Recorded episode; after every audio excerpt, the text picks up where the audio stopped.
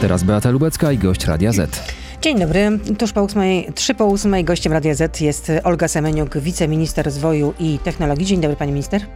Dzień dobry pani redaktor, dzień dobry państwu. Na początek pytanie chyba, które jednak będzie zdecydowanie na wyrost. Czy są jakieś dane, ilu uchodźców z Ukrainy ma pracę w Polsce? No ale tak jak mówię, chyba zdecydowanie na wyrost w związku z tym, że PSL, numer PSL jest przyznawany dopiero od środy.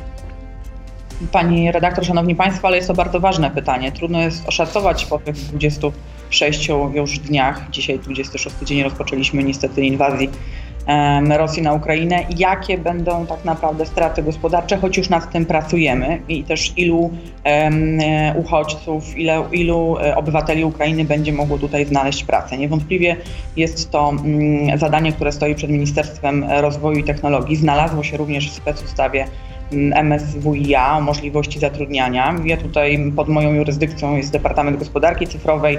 Chciałabym serdecznie też podziękować swoim wszystkim pracownikom, którzy przez ostatnie dni i noce przygotowywali wersję ukraińską dla wszystkich możliwych osób, które chciałyby po pierwsze przenieść swoje firmy do Polski, po drugie w ogóle założyć działalność gospodarczą w Polsce. Po trzecie, znaleźć pracę. To są takie trzy elementy, e, które, na temat których możemy zaczerpnąć wiedzę na stronie biznes.gov.pl, ale to też, o czym pani redaktor powiedziała, ten numer PESEL, gigantyczna praca wykonana przez pana ministra Janusza Cieszyńskiego, szereg różnego rodzaju rozwiązań właśnie służących, służących temu, aby rozładować po pierwsze też napięcie, strach, który tutaj występuje wśród obywateli, którzy decydują się i będą decydowali na to, aby pozostać w Polsce dłużej niż Dobra, 18 to, to już zostawmy Dobra, Basil, natomiast chciałabym zapytać, y, jeśli tak. y, y, jakiś uchodźca z Ukrainy, no to są głównie uchodźczynie, z, z tego, jak wynika z obserwacji, będzie chciała znaleźć pracę, to gdzie powinna się udać? Przede wszystkim do Urzędu Pracy? Przede wszystkim pani redaktor odwiedzić portal Business.gov. Tutaj są wszystkie informacje zawarte na temat zakładania, przenoszenia silników e, firm z Ukrainy do Polski, jak również zakładania nowo powstałych działalności gospodarczych. Ale to nie będzie proste założyć, to nie będzie takie proste założyć firmę tutaj nagle pani e, redaktor. Oczywiście, że nie, ale nie niemożliwe i tutaj po to jest nasz resort i po to służymy informacjami, po to prowadzimy również e, całą identyfikację CIDG, czyli działalności gospodarczych, aktywne działalności gospodarcze, e, aby tutaj te miejsca pracy zapewnić. Tak samo jeżeli chodzi o Ministerstwo Rodziny i Polityki Społecznej, tutaj pani minister Maląg również prowadzi Radę Przedsiębiorczości, w której ja biorę udział i tutaj z gremium Rady Przedsiębiorczości spotykamy się i rozmawiamy o tym, jak, te, jak systemowo, jakie miejsca pracy pracy dla tych osób zapewnić. Proszę no pamiętać, i jakie miejsca pracy możemy zapewnić właśnie dla uchodźców? Proszę pamiętać, Gdzie Pani redaktor, widzi te szanse, jeśli chodzi o rynek pracy? Bo to są właśnie głównie uchodźczy, uchodźczynie z dziećmi, więc gdzie znaleźć dla nich pracę?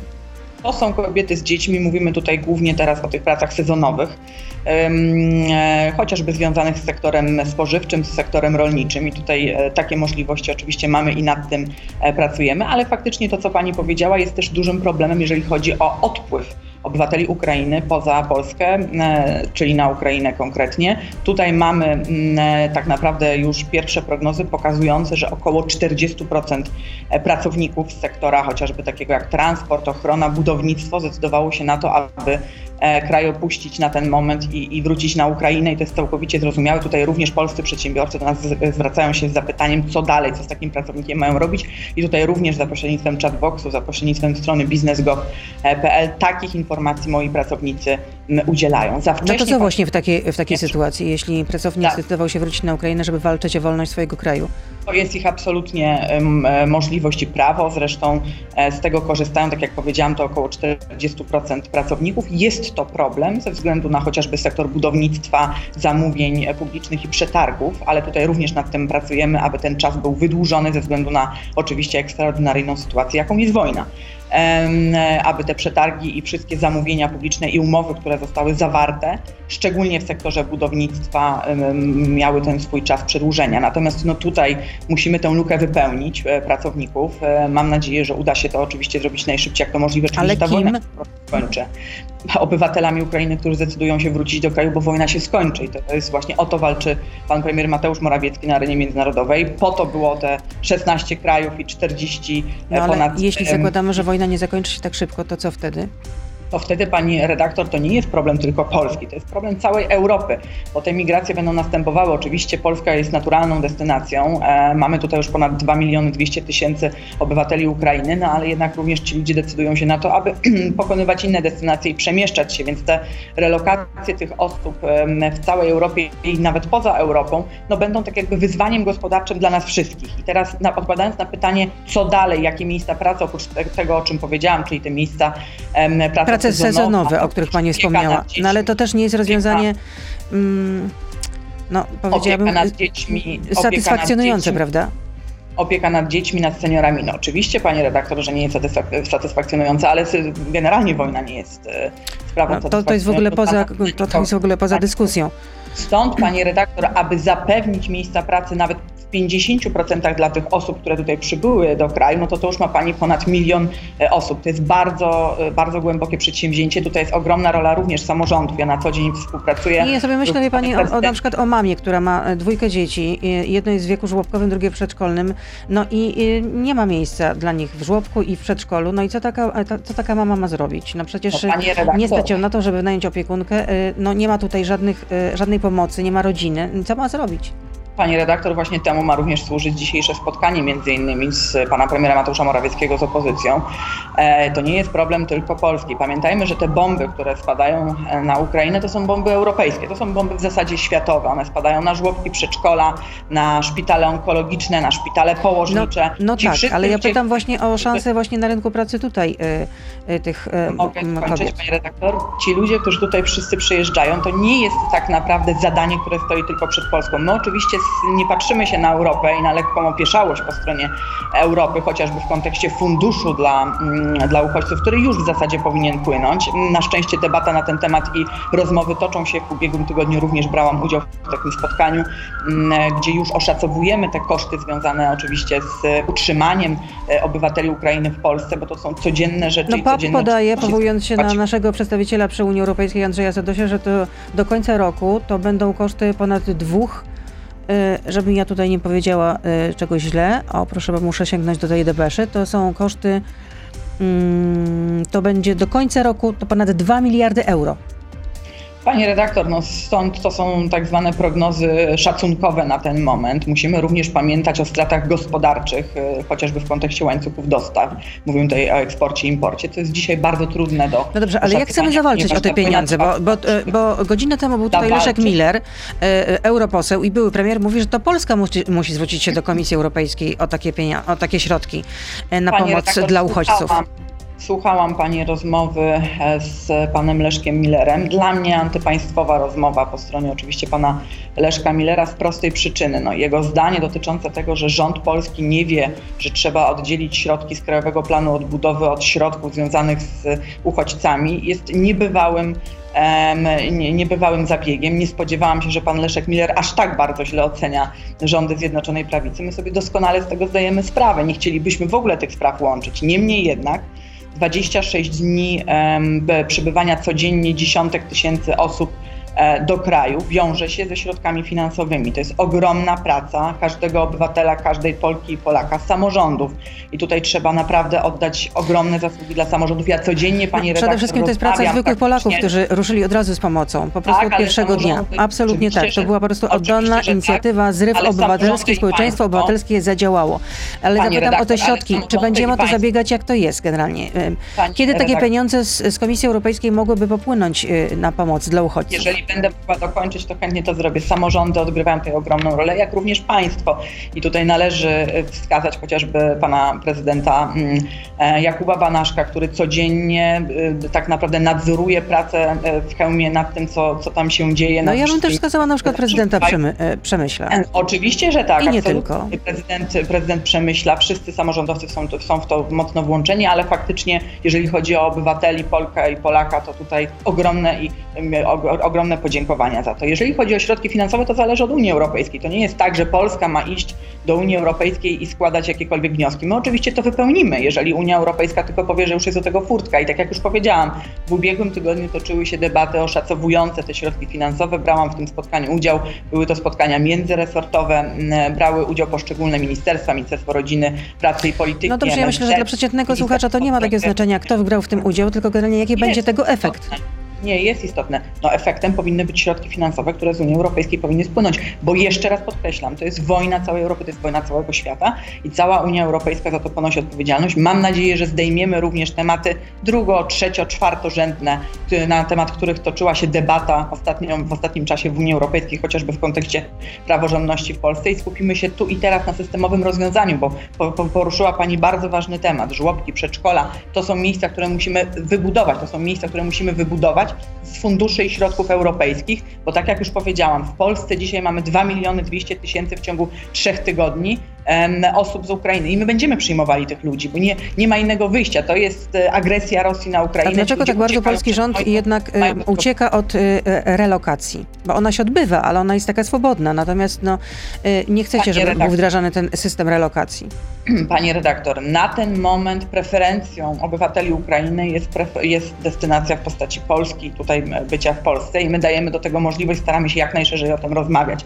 Po to są wizyty pana premiera Mateusza Morawieckiego zagranicznego zagranicznego. Po to tutaj przyjeżdżają osoby zagraniczne, które jeszcze miesiąc temu, zdaniem opozycji, w ogóle nie chciałyby do Polski przyjechać. W piątek będzie prezydent Stanów Zjednoczonych w Polsce. No to wiemy, nadzieję, Joe Biden, tak.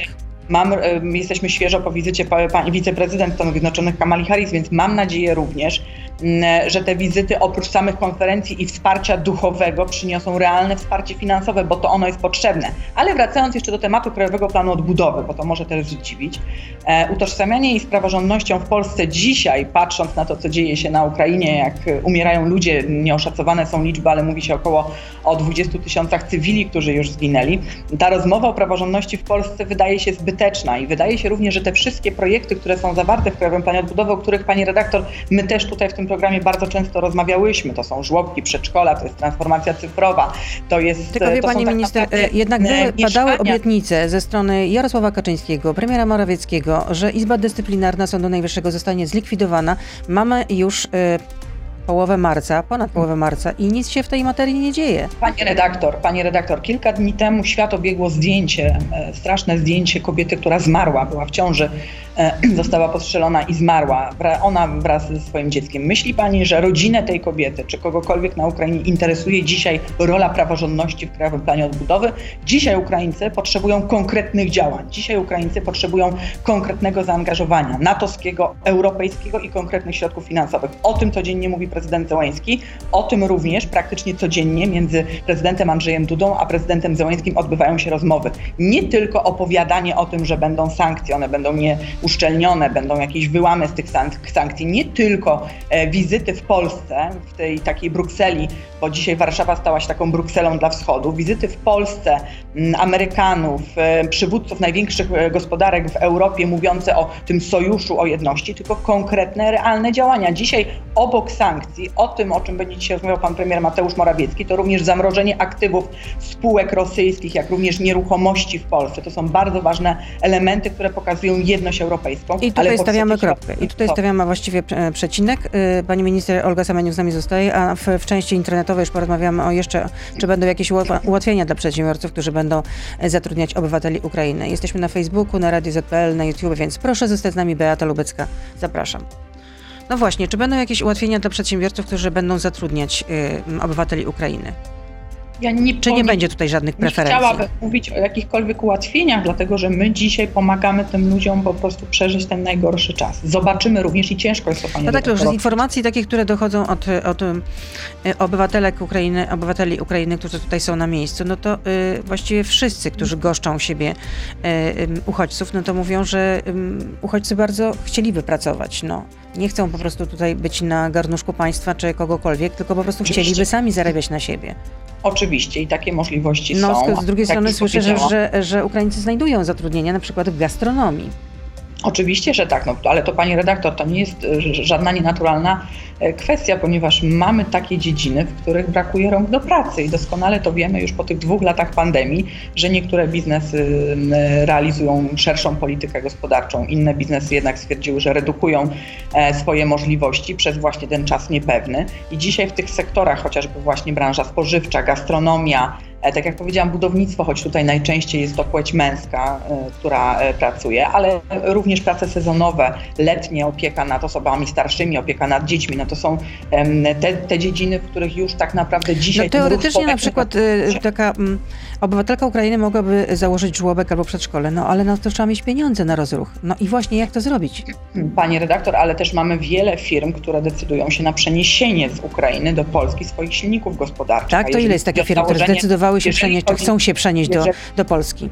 Pani redaktor, jeżeli chodzi o założenie działalności gospodarczej przez mamę dwójki dzieci, która tutaj przyjeżdża do Polski, jeżeli ona faktycznie decyduje się na to, aby tutaj swoją działalność gospodarczą założyć, to zapraszamy na stronę biznesgov.pl. Nasz resort służy również pomocą w tym, jak udrożnić ruch pomiędzy Ministerstwem Rodziny, Pracy i Polityki, gdzie te oferty pracy są urzędami pracy, to nie jest tak, że jest to ruch centralizowany, to jest ruch społeczny, który naprawdę jest identyfikowany przez różne organizacje e, pozarządowe, przez urzędy pracy, przez e, no, różnego rodzaju związki z sektora chociażby tego trzeciego właśnie pozarządowego, który pomaga właśnie w, w znalezieniu tej pracy. Mało jest osób, panie redaktor, które dzisiaj, szczerze mówiąc, decydują się po tych trzech tygodniach po przyjeździe do Polski na to, że tutaj już otwieramy przedszkole i żłobek. Takich osób, szczerze mówiąc, patrząc na to, co się dzieje u nas w resorcie, jaka jest dynamika tych również połączeń. Mamy infolinię w Paichu, mamy infolinię również u nas w resorcie. To mało jest. Raczej szukają tej pracy etatowej,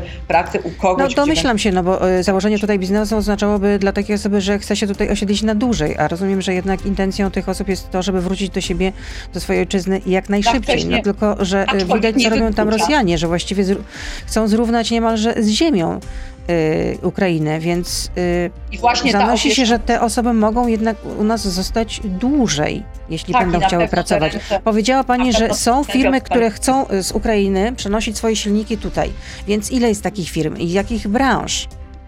Dzisiaj, pani redaktor, obserwujemy szczególnie na przykład branża IT, która decyduje się na to, aby do Polski przenieść ze względu na wysokie ryzyko inwestycyjne już po stronie Ukrainy, zresztą e, codziennie bombardowanej, codziennie niszczonej, decyduje się na to, aby ten biznes przenieść, ale tak samo chociażby sektor budownictwa jest tym sektorem, który właśnie z Ukrainy chce się przenieść do Polski. Ale to nie jest jedyny problem, ponieważ zatrudnienie obywateli Ukrainy jest to bardzo szeroki i systemowy problem, który na pewno będzie cały czas zmieniał się e, w ciągu następnych kilku tygodni, w zależności miesięcy, w zależności od tego, co się będzie działo na, na Y, na, Ukrainie. A czy możemy przewidywać, no. ile osób, y, ilu uchodźców y, może znaleźć pracę? Jaki to będzie procent? Przewidujemy, czy nie? Wcześnie za wcześnie, aby o tym dzisiaj jeszcze w jakimkolwiek kontekście mówić. To jest tak zwany szok. Szok przeżyła gospodarka po dwóch latach pandemii, tak samo szok przeżywa gospodarka po tych niecałych czterech tygodniach wojny. Ci obywatele również Ukrainy jeszcze nie do końca wiedzą, jak się tutaj w tym wszystkim poruszać. Proszę pamiętać, że żeby taka osoba była zatrudniona, to po pierwsze musi być przekroczona bariera językowa i tutaj również jednym z elementów, które będziemy chcieli wprowadzić i e, za które chcemy właśnie tak naprawdę zwrot środków finansowych na, na, na, na wkład właśnie chociażby w naukę języka, przysposobienie zawodowe, szkolenia zawodowe, no to są te elementy, które pozwolą na spokojnie takiej osobie zaklimatyzować się w kraju, jak również tę pracę mm, znaleźć. I tutaj dziwię się Brukseli, dziwię się Unii Europejskiej, że jest to cały czas robione na zasadzie codziennych konferencji, apelu, opowiadania o tym, że jakoś to będzie. Nie, jakoś to nie będzie. Ci ludzie już podjęli decyzję, że swój kraj opuścili i słusznie, bo jest tam wojna. Ci ludzie codziennie tę decyzję podejmują i Europa jest od tego, aby za,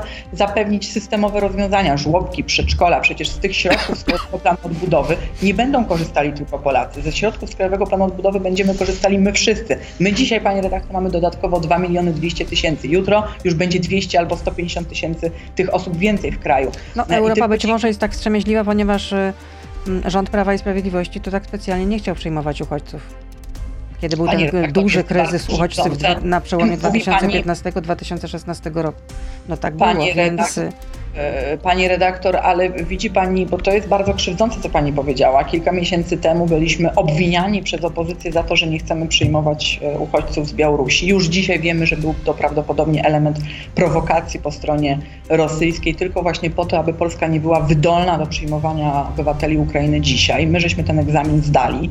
E, byliśmy bardzo strzeliwani tak naprawdę brakiem argumentów w zasadzie, tylko krytyką ze strony Mm, opozycji, Platformy Obywatelskiej za to, że nie chcemy właśnie tych uchodźców przyjmować, a my patrzymy długoterminowo w politykę międzynarodową i dzisiaj widzimy, że tam, gdzie się dzieje faktyczna krzywda, tam, gdzie ludzie ponoszą konsekwencje wojny, taką, a nie inną, to jest psychologiczna konsekwencja, gospodarcza, społeczna, przyjeżdżają do nas do, do kraju i rozwiązujemy systemowo te problemy. Ja tutaj mówię naprawdę, pani redaktor, i należy na to zwrócić uwagę, gigantyczna robota Pawła Szefernakera z MSWiA, gigantyczna praca Janusza Cieszyńskiego. To są prace, które wykonało dwóch wiceministrów, oczywiście w agendzie całej rządowej, ale to jest dzień i noc tak naprawdę koordynacja tego całego ruchu, ruchu, ruchu granicznego, przygotowywania cyfryzacyjnego dla tych osób, żeby właśnie było im łagodniej żyć. Ja w weekend Mm, akurat rozmawiałam z jednym z obywateli Ukrainy, który właśnie nadał sobie numer PESEL na Stadionie Narodowym i powiedział Pani e, Olgo, tak szybko i w takim szybkim tempie, w jakim tutaj nas przyjęliście e, i to, to dobro i to ciepło, które od Państwa spływa i te możliwości, że mamy gdzie spać, mamy co jeść, to jest na skalę Europy niespotykane, więc tutaj myślę, Ale że to, że w, w, w dużym stopniu, że ci ludzie mają co jeść i gdzie spać, to też jest wielka zasługa Polaków, bo przecież bardzo duża część y, obywateli Ukrainy trafiło po prostu do prywatnych domów. No. Ale pani redaktor, Taka oczywiście, że tak, oczywiście, że tak i za to Polkom i Polakom należą się ogromne podziękowania, ale trudno również wymagać od rządu czy samorządu, aby poradził sobie z lokacją tak naprawdę ponad dwóch milionów obywateli Ukrainy z dnia na dzień. My i tak naprawdę staramy się robić maksymalnie to, co się daje, jutro mam kolejne spotkanie w kontekście łańcuchów dostaw, bo wiele firm spożywczych, pani redaktor, wiele firm zajmujących się właśnie eksportem produktów poza granicę kraju chce tutaj służyć pomocą i chce zapewnić tę logistykę żywieniową właśnie do poszczególnych, e, na, w poszczególnych terenach w Polsce. W piątek również byłam na Warmii i Mazurach, byłam w jednym z ośrodków e, w powiecie nidzickim, e, gdzie przebywa 60 uchodźców. Naprawdę bardzo dobre warunki funkcjonowania, jeżeli w ogóle o takich można mówić. Mnóstwo dzieci, mnóstwo oczywiście, oczywiście matek. Polska zdała egzamin, Polak i Polka zdał ten egzamin. Po raz kolejny ta Solidarność wybiła się ponad przeciętną w Europie. Chciałabym jeszcze zapytać o tę tarczę antyputinowską. Ile to będzie kosztowało? Ponieważ no, eksperci od ekonomii właśnie zwracają uwagę, że na, na dobrą sprawę pre, premier nie podał żadnych liczb, nie podał żadnych szacunków. Czy nas w ogóle jeszcze stać na taką tarczę antyputinowską, która zakłada przede wszystkim dopłaty dla e, rolników i uniezależnienie się od dostaw rosyjskich surowców, co nie nastąpi szybko jednak, jeśli chodzi na przykład o rosyjską ropę?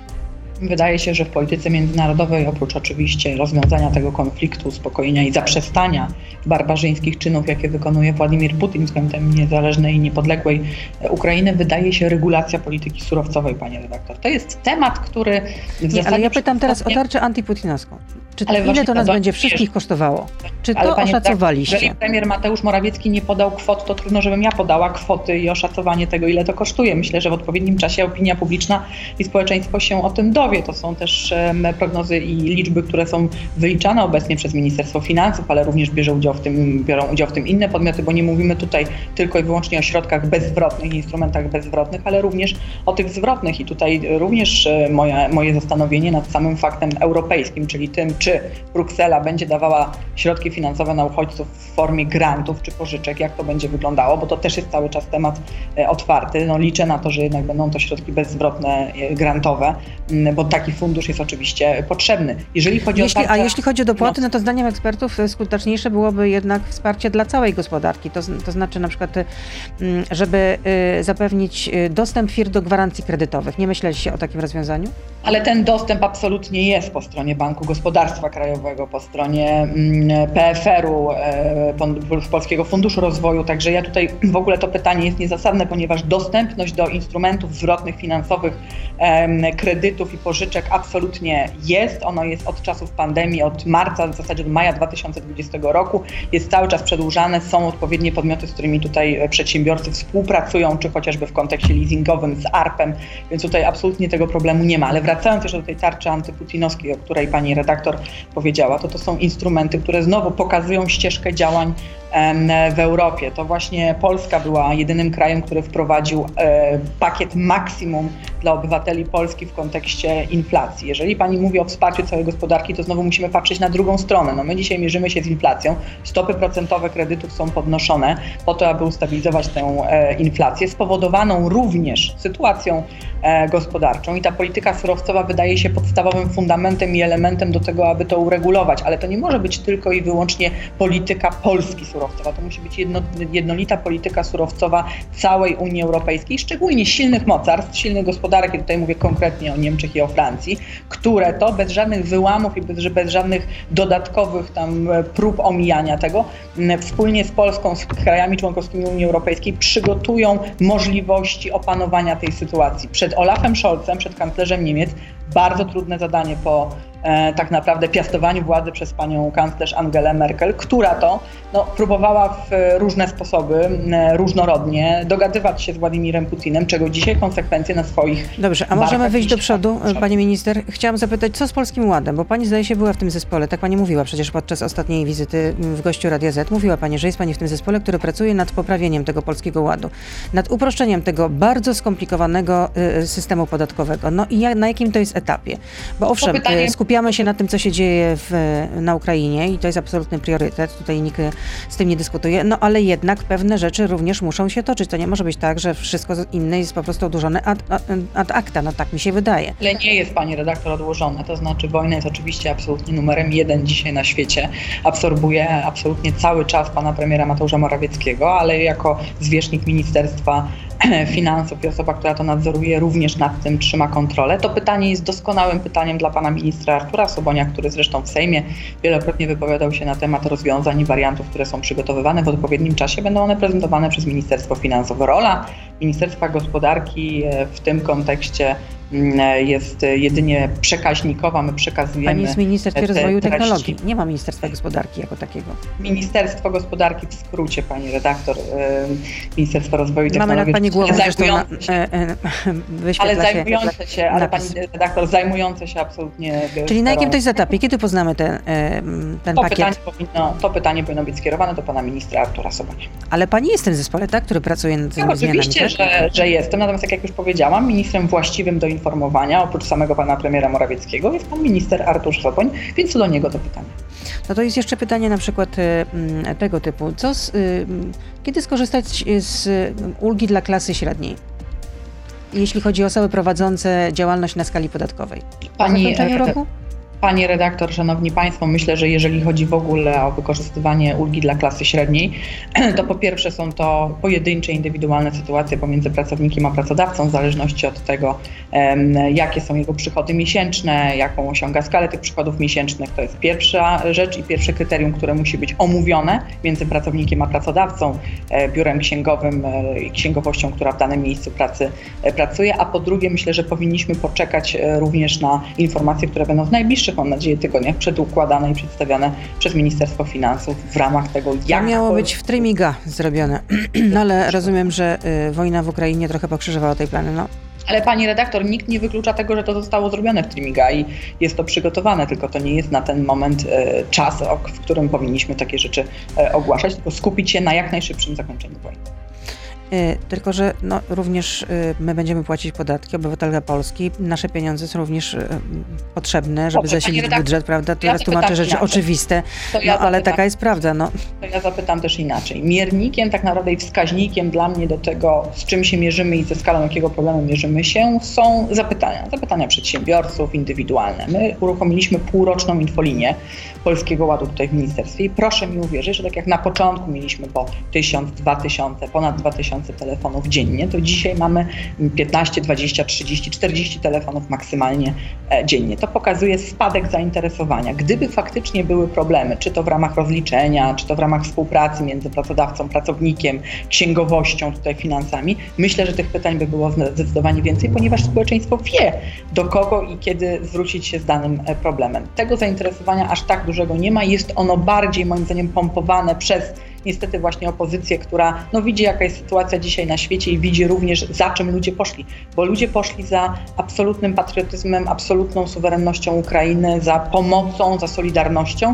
To są niesamowite cechy charakteru, które tak jak już powiedziałam, ponad przeciętną skalę wykaz wykazujemy się nimi ponad przeciętną skalę w chwilach próby i w chwilach kryzysu. Polski Ład, styczeń oczywiście nie był łatwym miesiącem, wielokrotnie za to strona rządowa przepraszała, został powołany tego specjalny zespół, e, który był koordynowany przez wiele, przez wiele osób. Te rozwiązania są na pewno optymalne, przygotowane dla przedsiębiorców, tak aby wyjść z tych problemów, z którymi mierzyliśmy się w styczniu. To Jacek jeszcze pyta, ile czasu zajęło Pani Minister czytanie Polskiego Ładu?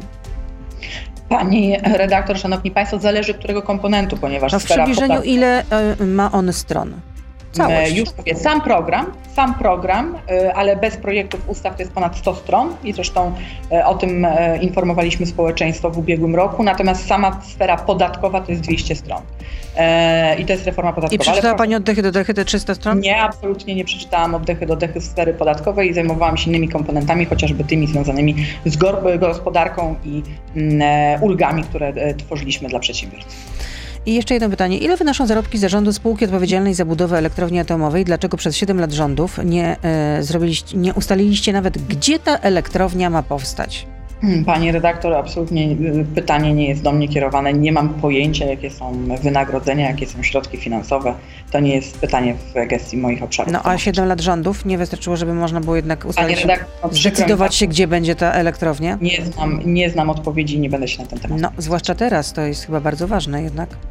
Oczywiście atom zawsze był istotnym elementem Te w, w świetle tej szeroko zapowiadanej przez pana premiera derusyfikacji polskiej gospodarki. Myślę, że to jest dobre pytanie, ale chociażby do pana ministra Naimskiego Piotra, no nie do mnie. No to jest jeszcze jedno pytanie od słuchacza. Dlaczego chcieliście mm, uchwalić tak zwaną ustawę Confident Plus i jednocześnie wiceminister finansów według artykułu portalu Onet jest niezaszczepiony? No jak chcecie zmieniać świat, to najpierw trzeba spojrzeć w lustro. Może brakuje odwagi.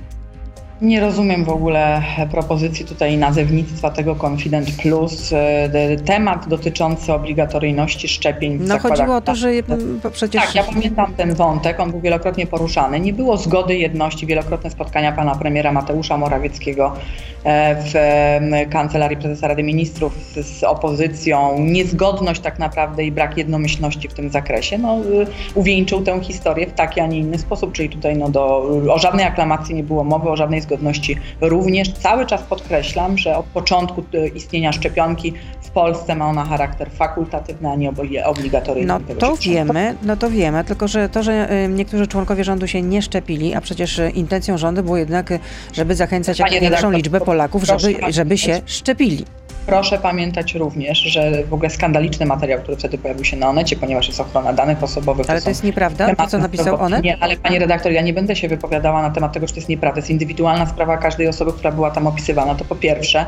Po drugie, to jest już upadek tak naprawdę polskiego dziennikarstwa w momencie, kiedy dochodzi do łamania ochrony danych osobowych danej e, osoby i takie rzeczy nie powinny być absolutnie uzewnętrzniane. Po trzecie, pewnie pani redaktor doskonale wie, że są różne czynniki mówiące i blokujące możliwość zaszczepienia przez osoby ludzie mają różne schorzenia, różną historię chorobową i myślę, że tutaj opisywanie tego przez wtedy tam ten portal internetowy i, tego no, dziennikarza. No, myślę, że intencją dziennikarzy było pokazać generalnie, że nie, jednak e, intencją jest pewna, pewien poziom nie, hipokryzji w, e, nie, w kręgach nie, władzy. Nie, panie redaktor, nie, panie redaktor. Intencją dziennikarzy było wtedy uderzenie i jeszcze większa eskalacja konfliktu. Na szczęście zostało to bardzo znaczy, no, Pani mi się wydaje, że już po prostu doszliśmy do jakiegoś naprawdę absurdu, bo każdą krytykę odbieracie to jako po prostu atak.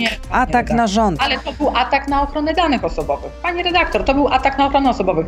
My jesteśmy jesteśmy osobami publicznymi, można pisać o nas, co Państwo sobie życzą, można nam zadawać przeróżne pytania, ale jednak ochrona danych osobowych w kontekście tym najważniejszym, najdelikatniejszym No jakoś jak wyciekły tak zwane taśmy prawdy, jeśli chodzi o aferę podsłuchową, to nie mieliście z tym żadnego problemu, żeby po prostu cytować to na wszelkie możliwe pani, sposoby, chociaż podsłuchy pani, były nielegalne. Ale o czym Pani mówi? Pani mówi, Pani redaktor, o rozmowach między politykami, które no były takie, jakie były i mówi Pani o ochronie danych osobowych. No, to no ale podsłuchy były legalne czy nielegalne? Nielegalne. Pani redaktor. Przecież pani jest redaktor, również, jest również zapis y, w, w w prawie, który mówi o, o odpowiedzialności wniosek karnej za rozpowszechnianie tego typu materiału. Gdyby był wniosek prokuratury czy orzeczenie i wyrok sądu w tym zakresie, to jest to absolutnie droga legalna. Jeżeli tego wyroku sądu nie ma i orzeczenia sądu czy prokuratury, czy wniosku prokuratury No tak, nie ma, no teraz mówi pani rzeczy oczywiste, oczy, oczywiście. No ale pani redaktor, tylko pani porównuje kwestie danych o, y, osobowych i chorób, chorób, które dana osoba przeszła lub przechodzi. Ale tutaj nikt nie pisał o chorobach przecież w tym, Ale w tym materiale. Nie redaktor, było no tak, nic o żadnych chorobach. Po nie, prostu ale były z imienia, nazwiska osoby, których nie ma po prostu w rejestrze osób zaszczepionych. I to było przeciwko skandaliczne. COVID-19. To oznacza, że ten redaktor nie zna kultury e, politycznej, ale nie zna też przede wszystkim swoich granic w pisaniu i opisywaniu. Tak jak powiedziałam, szczepionka jest elementem em, związanym z, ze zdrowiem, ze służbą zdrowia, z e, ochroną danych osobowych i nie powinna mieć miejsca taka, a nie inna sytuacja, więc w ogóle ten wątek jest nieporównywalny z tym, o czym pani mówi, czyli o tym, że jesteśmy w życiu publicznym, toczymy różne rozmowy. Gdybym miała mała prawo w kontekście rozmów z jakąkolwiek osobą ze świata polityki czy ze świata publicznego, którą bym odbywała i ona zostałaby upubliczniona, a taki wniosek by wpłynął, czy to z prokuratury, czy, m, czy z sądu, no to musiałabym się po prostu z tym liczyć, że e, mogło mieć to miejsce. Dziękuję za tę rozmowę. Olga Semeniuk, wiceminister rozwoju i technologii była z nami. Do Dziękuję usłyszenia, bardzo. zobaczenia, dobrego dnia. Kłaniam się. Zdrowia, dziękuję. To był gość Radia Z. Słuchaj codziennie w Radio Z i na player radioz.pl.